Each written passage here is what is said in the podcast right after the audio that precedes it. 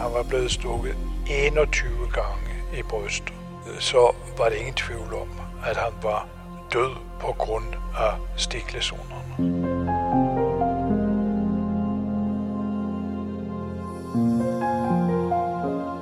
Hvorfor blev denne person slået ihjel?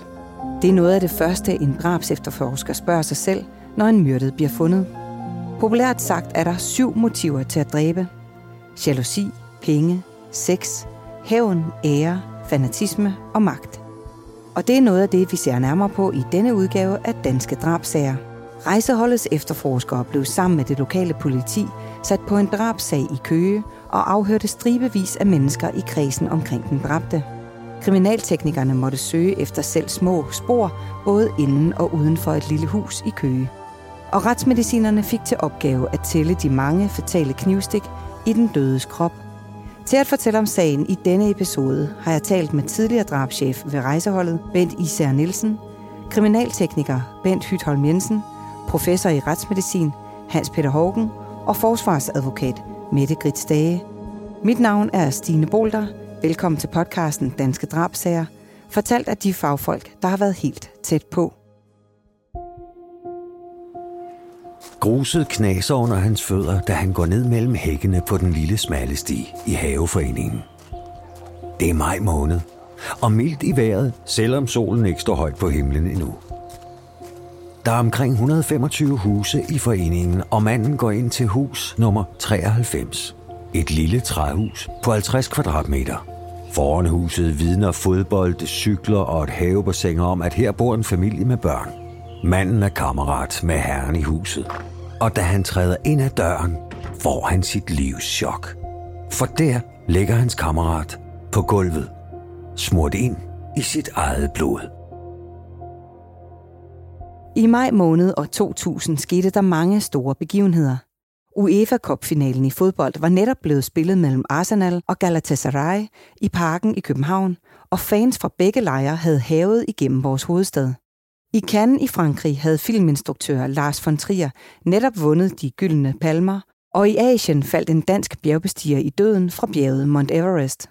Drabschef ved rejseholdet Bent Især Nielsen og hans folk fik travlt med noget helt andet end fodboldkampe og filmpriser, da der indløb et opkald fra det lokale politi i Køge. Her var det en mand, der blev fundet myrdet med stor brutalitet og rigtig mange knivstik. Han boede i en havefring i et kolonihavehus. Han var flyttet fra konen noget tid øh, forinden på grund af nogle øh, problemer i ægteskab, og så flyttede han ud i deres kolonihavehus.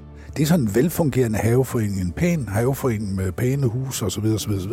Og han var en vældig øh, mand, og bliver så fundet der, øh, fordi der er nogen, der ikke kan komme i kontakt med ham. Jeg tror, det var over 20 knivstik. Altså, han er blevet formentlig overrasket af en gerningsmand, der kommer, og så bliver han så myrdet der startede vi op. Jeg var selv øh, efterforskningsleder på sagen. Det var for den periode, hvor jeg var drabschef i Rejshold, og tager selv til Køge med et hold erfarne, gode efterforskere. Og vi starter sagen op, som vi normalt gør, altså med kriminalteknikere, retsmediciner, obduktion, findestedsundersøgelser, gerningstedsundersøgelser, forhøringer, canvassing, som amerikanerne kalder det i området. Folk, der bliver sat til at lære den dræbte at kende, hvad er motivet, fjerndrab, nærdrab, hele det der setup, som altid kører, uanset at der fra start af er nogle mistanker, det kunne være sådan og sådan, så skal man altid huske, at man skal have grundlaget på plads. Fordi hvis man bruger alle kræfter på at løbe efter den indlysende løsning, og så tre uger efter finder ud af, at det var ikke den, så er det for sent at gå tilbage og sige, ups, nu må vi lige starte. Så der er nogle basale ting, der skal gøres fra start af. Og hele det arbejde derude i kolonihaven, forhold til hans kone, øh, som han var flyttet fra, rovmor, øh, affektmor, planlagt. Alle disse der ting øh, skal jo selvfølgelig, skal man som efterforskningsleder jo vurdere, samtidig med, at ens efterforskere, de laver de der helt øh, basale ting. Nogle af de vigtige samarbejdspartnere, som altid bliver tilkaldt i en drabsefterforskning, er kriminalteknikerne. En af dem er Bent Hytholm Jensen. Hvad var det for en opgave, I stod over for dengang, Bent Hytholm Jensen? Jeg var ikke selv øh, personligt involveret i den her sag, men når vi får en opringning om den slags, altså hvor at, øh, man har fundet en, der er knivdrabt med forskellige knivstik, så ved man jo godt, at der er tale om en drabsag. Det kan være alle mulige typer af drab. Men det gælder om at have så mange informationer som muligt, inden vi overhovedet rykker ud, så man er, er velforberedt og mentalt øh, klædt på til øh, at komme ud på sådan et sted. Det kan være ret så blodigt jo. Men øh, kriminalteknikernes opgave er selvfølgelig at dokumentere gerningsstedet at lave kriminaltekniske undersøgelser og finde de spor, der kan være med til at opklare sagen. Det vil typisk være sådan, at man, man starter udvendigt. Altså, man går ud, jeg kunne være fra, ud fra, at ordenspolitiet de har afspærret området for en gerningsmand med at være kommet til gerningsstedet og have forladt gerningsstedet. Og det vil så sige, at øh, så leder man selvfølgelig i de udvendige områder og finder ud af, hvilke adgangsveje er der. Øh, kan vindu, øh, vinduerne i huset være knust, for at vedkommende skaffe sig adgang, altså, eller han blev lukket ind i huset osv. Så, videre. så, så man, man undersøger de udvendige områder, og så skalsikring, altså døre, vinduer og den slags ting øh, konstatere, om lyset er tændt eller slukket, eller øh, er der noget, der tyder på, at de har været sammen, siddet og spist sammen, eller et eller andet. Og så arbejder man så stille og roligt ind her, og så daber man adgangsvej ind til den, til den dræbte. Og man fotograferer selvfølgelig hele tiden, øh, og man har sikkert de spor, der måtte være på gulvtæpper eller på gulvet øh, på vej ind mod den afdøde. Og så bliver der tilkaldt en retsmediciner, som kommer ud og lave en finstedsundersøgelse det er jo sådan en, øh, ikke en tilbundsgående undersøgelse, forstået på den måde, at man undersøger, og man kan tydeligt se, øh, hvad dødsårsagen eventuelt kunne være. Hvis der så er spor, der skal sikres, der er uopsættelige spor, der skal sikres på, på den afdøde, jamen, så sikrer man dem i fællesskab med retsmedicineren. Øh, og så efterfølgende, så øh, bortfjerner man selvfølgelig livet og får kørt det ind på Retsmedicinsk Institut, hvor at man så laver en, en obduktion. Et retslægeligt ligsyn det hedder den første retsmedicinske besigtigelse af et lig, hvor en tilkaldt retsmediciner ser på den dræbte skader, mens livet stadig er på findestedet. Her kommer han eller hun med sin første umiddelbare formodning om, hvordan personen er blevet dræbt. Bagefter bliver livet taget ind på Retsmedicinsk Institut, hvor der skal ske en obduktion for at finde frem til dødsårsagen, altså om det er et drab, ulykke, selvmord eller en naturlig død, og dødsmåden, altså måden hvorpå den døde er blevet slået ihjel. En, der ved alt om det, er professor i retsmedicin Hans Peter Hågen, som her fortæller, hvad der sker, når et lig bliver bragt ind på instituttet. Så skal vi undersøge den afdøde med henblik på dødsårsagen, og også med henblik på identifikation. Med hensyn til dødsårsagen, så skal vi jo se, hvad der er, der har forvoldt døden, og i dette tilfælde så øh, var den afdøde stukket flere gange med kniv. Vores opgave er jo så at finde ud af, hvilke organer, der er blevet ramt i forbindelse med knivstikningen, og om det har været dødeligt. Om det der at på grund af, at han er stukket af kniv, at han er død. Det kunne jo være, at dødsårsagen var en helt anden. Men i dette tilfælde, så var det ingen tvivl om, at han var død på grund af stiklæsonerne med den medfølgende blødning. Vi kom frem til, at han var blevet stukket 21 gange i brystet.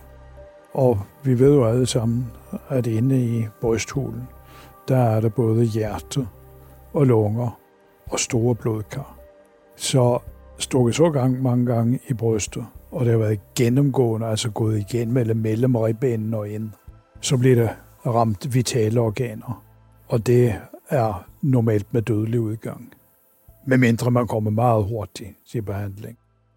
Også kriminalteknikerne er til stede under en obduktion. Bent Hytholm Jensen er en af dem, der gang på gang har stået ved stålbordet og dokumenteret alt, hvad der skete under en obduktion. Der sikrer man selvfølgelig spor på tøj og så videre. Og så sikrer man tøjet, og så når øh, vedkommende er afklædt, så hører man efter, hvad retsmedicineren siger, hvilke billeder har han brug for i forbindelse med sin obduktionserklæring. Øh, og så optager man det, og så tager man selvfølgelig de her beklædningsgenstande med hjem. De er jo selvfølgelig formentlig våde af blod og så videre. Så sørger man for at hænge dem til tørre, sådan at øh, hvis det er nødvendigt, så efterfølgende, så laver man undersøgelser af beklædningen, øh, hvor man fotograferer tingene igen og igen og igen, øh, og, og finder ud af, hvor mange stik er der i tøjet. Det skulle gerne svare til det, der er i facitlisten, sidder jo i den afdøde selvfølgelig. Som sagt, så er noget af det første drabs efterforskere spørger sig selv om, hvorfor skulle denne person dø? For at finde et svar på det, må efterforskerne finde ud af, hvem den døde var. Havde han eller hun nogen fjender? Hvem kunne have et motiv til at slå personen ihjel? Og var drabsmanden en, den døde kendte i forvejen? Daværende vicekriminalinspektør og drabschef ved rejseholdet, Bent Isa Nielsen, fortæller her, hvordan de byggede en offerprofil op i sagen fra Køge. Langsomt blev billedet jo bygget op af en mand. Jeg kan også se, at jeg i nogle avisartikler fra den tid sådan lidt kryptisk siger, at vi arbejder nok ud fra teorien om, at gerningsmanden skal findes i nærmiljøet. Der var mange ting fra start, der siger, at det her det er nu nok et nærdrab. Der var ikke meget, der tyder på et, et fjerndrab. Altså at en tilfældig, ukendt mand lige nøjagtigt bryder ind i det her hus hos en mand, der ikke har særlig mange værdier, øh, og så skulle slå ham ihjel med stor brutalitet. Selvom sådan en analyse altid kan være behæftet med fejl. Det har jeg prøvet mange gange. Det kan se meget personligt ud, præget af stor vrede, og så viser det sig, at det er en helt tilfældig gerningsmand, som bare går i blodrus. Og andre gange så ser det meget koldblodigt, kynisk, øh, organiseret ud, og så er det et nærdrag osv. Men analysen er alligevel øh, hensigtsmæssig at tage for at allokere de rigtige ressourcer til de rigtige efterforskningsskridt. Så det er sådan noget, man som efterforskningsleder øh, selvfølgelig hele tiden skal være opmærksom på. Kriminalteknikernes opgave på gerningsstedet var at finde frem til alle de spor, der måtte være fra den eller de gerningsmænd, der stod bag drabet på den 38-årige. Der blev blandt andet analyseret blodstænk, fortæller kriminaltekniker Bent Hytholm Jensen. Ude på gerningsstedet, det er så afhængig af omstændighederne, jamen så er der jo forskellige muligheder. Der øh, kigger man selvfølgelig efter solaftryk, fingeraftryk. Hvem kan have været til stede? Øh, er, der muligt, er der noget, der tyder på, at de har været sammen inden, eller hvad? Men når der er tale om 21 knivstik, så kan man jo godt forestille sig, at det måske er lige i overkanten, at det må være afgivet i raseri eller noget af den retning der. Og så vil der typisk også være blodstænk. Og der kan man så, når gerningsstedsundersøgelsen den er overstået, så kan man få en blodstænksanalytiker ud og, og lave en blodstænksanalyse. Man måler de her fingre, eller de her blodstænk, øh, størrelsen på dem, den retning, de er afsat, hvilken højde og øh, de er afsat osv. Og, så videre. og så laver man sådan, ligesom hvis man holder en hånd op foran, så, så man øh, laver sådan en vifte, og der kan mødes de her striber jo så på et eller andet tidspunkt, de streger her. Og så kan man sige, det, det her, der har udgangspunktet været for det her blod, den type blodstænk, og det, altså, så, hvis der har været rigtig mange stik for eksempel, så kan, så kan blodstængene i hvert fald godt sladre noget om, hvor vedkommende har befundet sig på det tidspunkt, hvor stikene har fundet sted, eller de afkast, der kommer, hvis når man løfter kniven igen, så er der blod på kniven, så øh, kommer der afkast fra, fra vågne, der har været benyttet, så, så lander det sygt på vægge, eller op i lofterne, eller forskellige steder, afhængig af, hvor voldsomt det har været. I den her sag, der har gerningsmanden på en eller anden måde øh, skaffet sig adgang ved at smadre en rude, og har måske skåret sig i den forbindelse. Hvordan kan man lige finde gerningsmandens blod i blandt øh, offrets blod? Jamen altså, det er sådan, at, at øh, nu snakker vi blodstænk. Altså, hvis, hvis man for eksempel øh, har skåret sig, så hvis man altså, vifter med armene eller sådan noget, så bliver det til blodstænk, kan man sige. Men hvis man holder hånden stille, så bliver det til bloddryp. Altså sådan en cirkulær bloddryp der, som tyder på, det, det, det, det adskiller sig over fra blodstænk, kan man sige. Altså, eller afkast. Men øh, hvis det er cirkelrundt, så er der noget, der tyder på, at, at, at det, der har blødt, har stået stille eller været stille, ikke? altså en vis højde. Og så kan man selvfølgelig sige, at der, hvor det er afsat, altså hvis det er i forbindelse med en knust rude der, så, øh, og der ikke er nogen blå, andet blod lige på det sted der, jamen, så kunne det jo godt tyde på, at det var gerningsmand, der havde skåret sig i hvert fald. Ikke? Plus at man på, på glassens brudlinjer også kan se, om det er knust udefra eller indenfra. Hvordan kan man se det? Jamen det kan man øh, øh på, på simpelthen, at der kommer sådan nogle, øh, nogle streger på glasset, som øh, bliver afsat i en bestemt retning. Lyden af splindret glas, der falder til jorden, bryder stillheden i den tidlige morgen. En kat vågner og vækker sin ejer. Der plejer ellers altid at være stille herude. Men der er langt fra stille i naboens hus. Her er der vrede stemmer og øretæver i luften – den ene mand griber ud efter en stor køkkenkniv, mens den anden er hurtig og vrister den fra ham. Sådan husker han i hvert fald hændelsen den tidlige tirsdag morgen i kolonihavehuset. Med et er rollerne byttet, og han vender våbnet mod sin rival. Først stikker han en gang, så en gang til, og igen, og igen. Hele 21 gange jager han kniven ind i den mand, han har leget med som barn. Arbejdet for i flere år, og før kaldt for sin ven. Bent Især Nielsen ledte efterforskningen sammen med kollegaer fra rejseholdet og det lokale politi. Der gik ikke mange dage, før politiet var kommet meget nærmere et motiv, og ikke mindst, hvem der kunne stå bag drabet. Et blåt koben blev efterlyst, da der blev fundet malingrester fra et koben på det lille kolonihavehus. Det fortæller han her. Her var det relativt hurtigt indlysende, at det her har formodningen for sig, at det har noget med problemer i ægteskabet og en anden mand osv. osv. osv. Og det er også det, der fører til gennembruddet i sagen. Der er nogle tekniske ting i et, et spor. Der er noget blå maling, kan jeg huske, som får afgørende betydning om, hvem har adgang til det hus og det koben, som er blåt og som bliver brugt. Så det er altså en, der ved, at i det redskabsskur, så er der noget, jeg kan bruge til at bryde ind med. Også det gjorde, at det havde mere end formodningen for sig. Det her, det er en, der ved nøjagtigt, hvordan det her er. Og det endte også med, at den formodede gerningsmand blev identificeret som faktisk en tidligere rigtig god ven til den dræbte, men også en god ven til den dræbtes hustru, som han var flyttet fra. Så det er jo nok det, man lidt teatralsk i dag måske vil kalde et trekantsdrama, hvis man var i en anden verden end, end politiets og jurens øh, tørre øh, Karnov-verden. Så det, det endte med, altså, det er, at denne her tidligere kammerat, som han er blevet uenig i, fordi denne kammerat jo har haft et forhold til, til konen osv., det ender i hvert fald med, at denne kammerat, som viser sig at være gerningsmand, han er blevet så rasende og så vred på den dræbte person over et eller andet i det her forhold, at han så den her tidlige morgen, altså ud på natten tidlig morgen, tager derud, anskaffer sig det her øh, værktøj, bryder ind til ham, og så dræber ham med, med, med, med, med stor vildskab.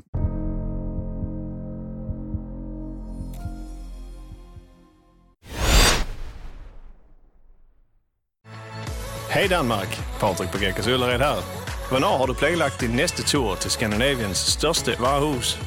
På Gekås i Ullared kan du shoppe og overnatte til fantastisk lave priser. Hvornår kommer du? Shoppa, bo och umgås på Gekås Ullared.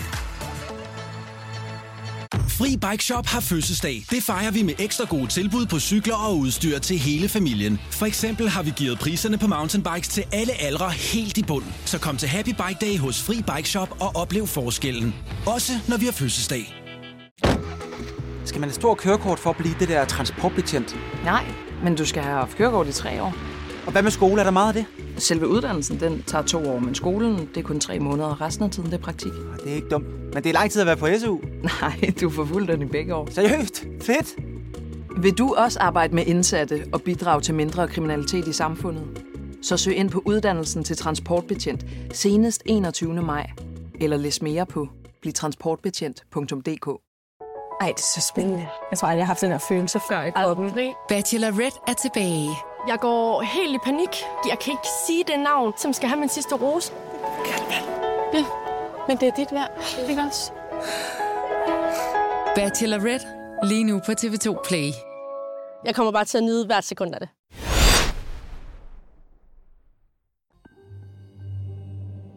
Mistanken var nu rettet mod den afdødes barndomsven, men havde han arbejdet alene? Kunne den afdødes hustru have bestilt drabet, og dermed var vejen banet for de to elskendes liv sammen? Eller anede hun intet om, at hendes mand skulle slås ihjel? Det skulle Bent Især Nielsen og de øvrige efterforskere finde ud af. Vi rejste også sigtelse mod den dræbtes hustru, fordi vi fik jo relativt hurtigt nys om, eller øh, indsigt i, at det er der nok løsningen ligger. Og vi på et tidspunkt havde, var vi den opfattelse af, at konen var med i det, og vi anholdt hende. Og hun blev sigtet for medvirken til drab. Vi formodede, at hun og gerningsmanden i forening havde planlagt det, og så havde gerningsmanden begået det. Hun blev også varetægtsfængslet af retten, sigtet for medvirken til drab. Sad et stykke tid varetægtsfængslet.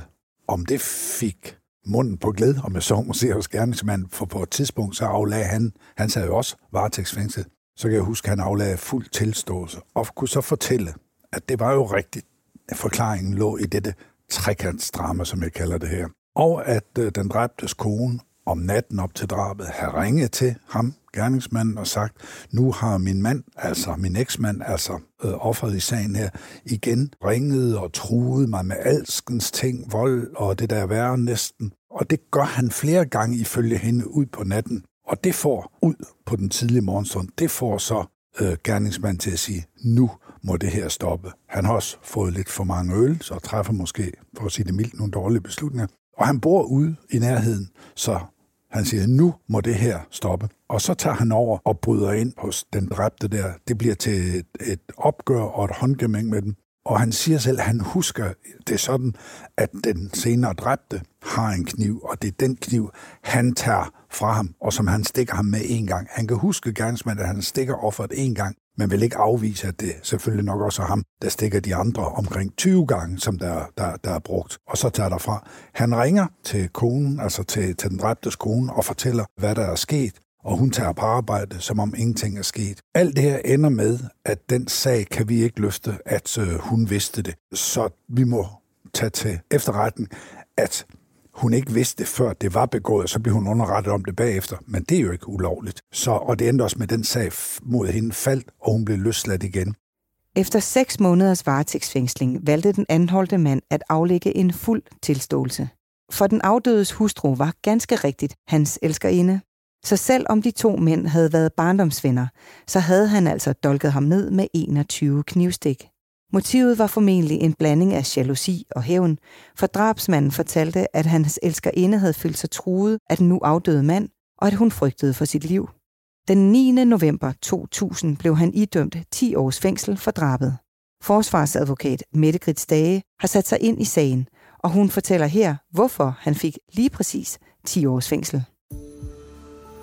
Udgangspunktet for et drab, det er, at det giver 12 års fængsel. I den her sag, der bliver den tiltalte kun straffet med fængsel i 10 år. Man kan ikke se her præcist, hvad det er, forsvaren har gjort gældende, men det, der vil være naturligt at gøre gældende i den her sag, det er, at den tiltalte har været i en eller anden oprørt sindstilstand, og det kunne man jo sige, det har han jo, fordi der har været det her forudgående forløb med, at han har en affære med, øh, med afdødes kone. Men det fremgår også, at den tiltalte, han siger i retten, at den afdøde, han tog fat i en kniv, og at han lignede en, der ville angribe.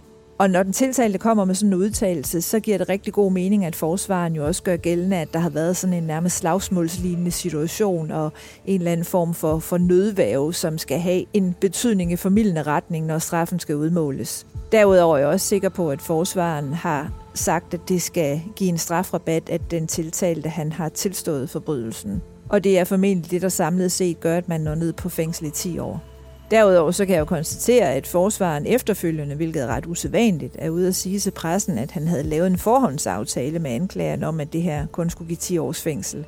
Og når jeg siger, at det er usædvanligt, så er det fordi, at øh, i modsætning for eksempel til USA, hvor man jo laver en masse, ja, for at sige det rent ud, lokumsaftaler, så er det ikke rigtig noget, vi bruger i Danmark. Øh, der kan man ikke sådan handle med anklageren på den her måde. Og hvis man, man gør det, så er det i hvert fald noget, der foregår sådan temmelig uformelt. Øh, man kan selvfølgelig godt få videre anklageren, hvad, hvad har du tænkt dig at gå efter, men sådan en formel aftale indgår man jo sædvanligvis ikke. Så derfor er det sådan lidt specielt, at forsvaren bagefter er ude og sige, at de havde aftalt, at det skulle give 10 år.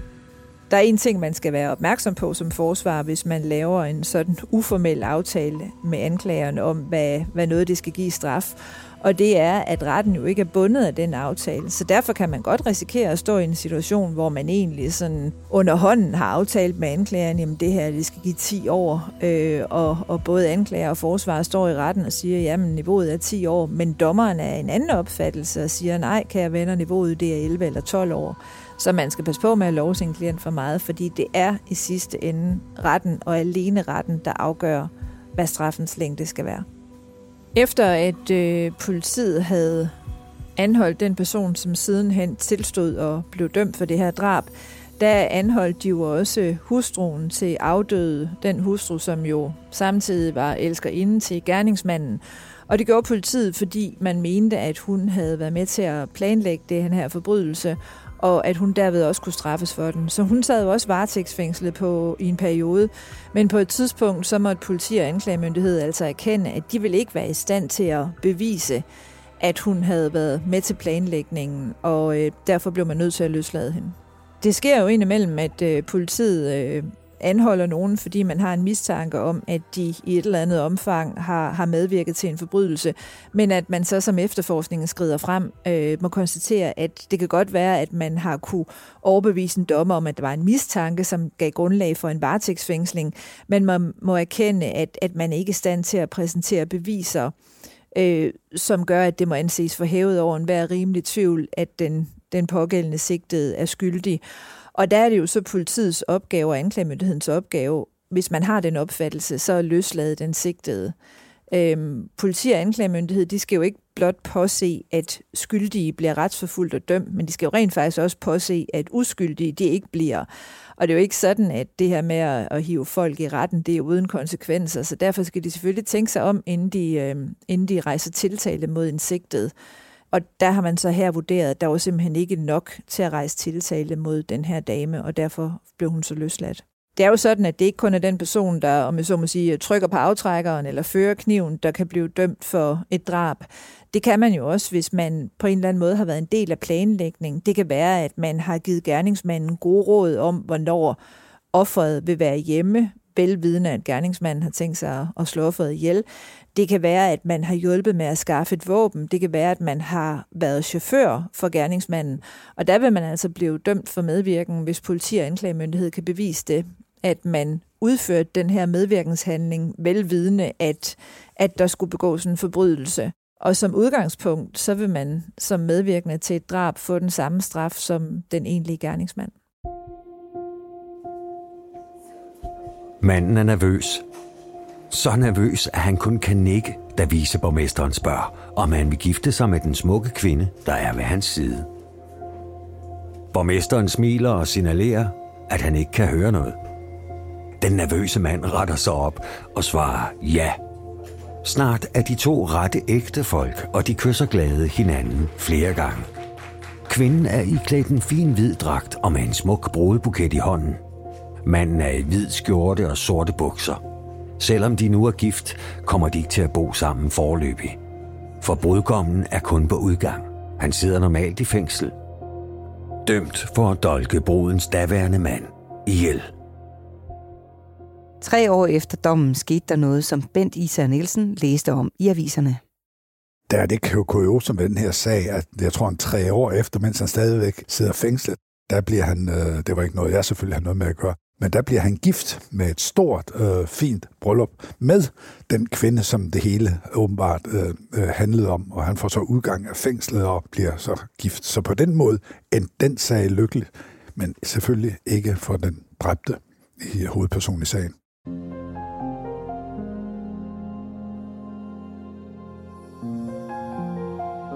Jalousi og hævn kan føre nogle mennesker helt ud til, og nogle gange også ud over kanten. I sagen her endte det tragisk nok med den ultimative forbrydelse, en mands død. Tak til tidligere drabschef ved rejseholdet, Bent Især Nielsen, retsmediciner Hans Peter Hågen, forsvarsadvokat Mette Grits Dage og kriminaltekniker Bent Hytholm Jensen for jeres fortælling.